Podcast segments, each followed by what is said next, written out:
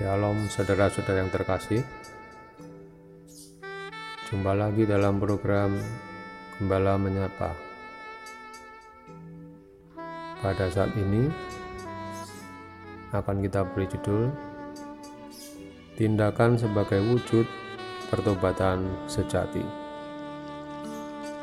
Adapun landasan firman Tuhan yaitu terambil dari kitab perjanjian baru Wahyu 21 ayat 5 sampai dengan ayat ke-27 Saudara-saudara yang terkasih kita diselamatkan oleh iman. Dan hanya karena anugerah Allah semata bukan dari perbuatan baik kita tertulis dalam kitab Efesus 2 ayat 8 atau Yohanes 3 ayatnya yang ke-16 yang juga menyatakan jika kita percaya maka kita diselamatkan.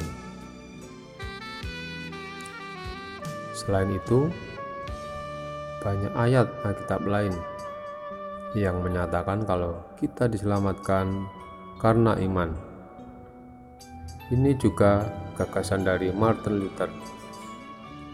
Waktu mengkritisi gereja Katolik yang kita kenal dengan istilah sola fide atau semua karena iman serta sola gracia yaitu semua karena anugerah pertanyaannya sekarang apakah sebagai orang Kristen kita masih wajib berbuat baik.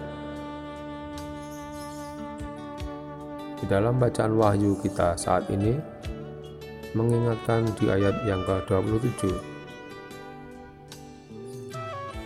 Jika di Yerusalem baru tidak akan bisa masuk orang yang hidup dalam dosa, mereka najis bagi Allah. Ini juga sesuai dengan ayat Alkitab yang sangat kita kenal dari Yakobus 2 ayat 17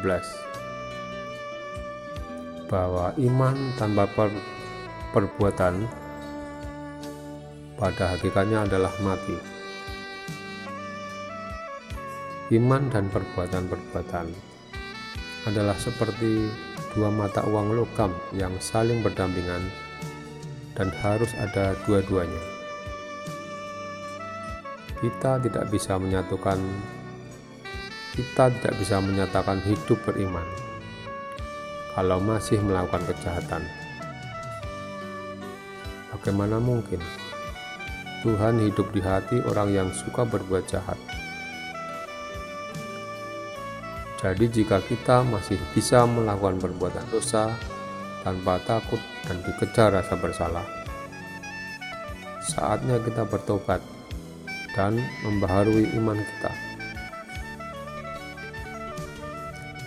Perbuatan baik atau buah roh seperti yang tertulis di dalam Galatia 5 ayat 22 sampai dengan 23 adalah ciri-ciri manusia yang sudah bertobat.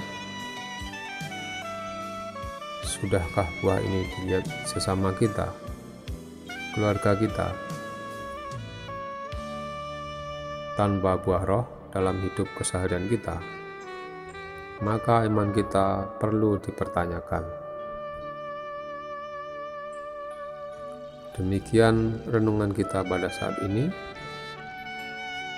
Tuhan Yesus memberkati kita semua. Amin.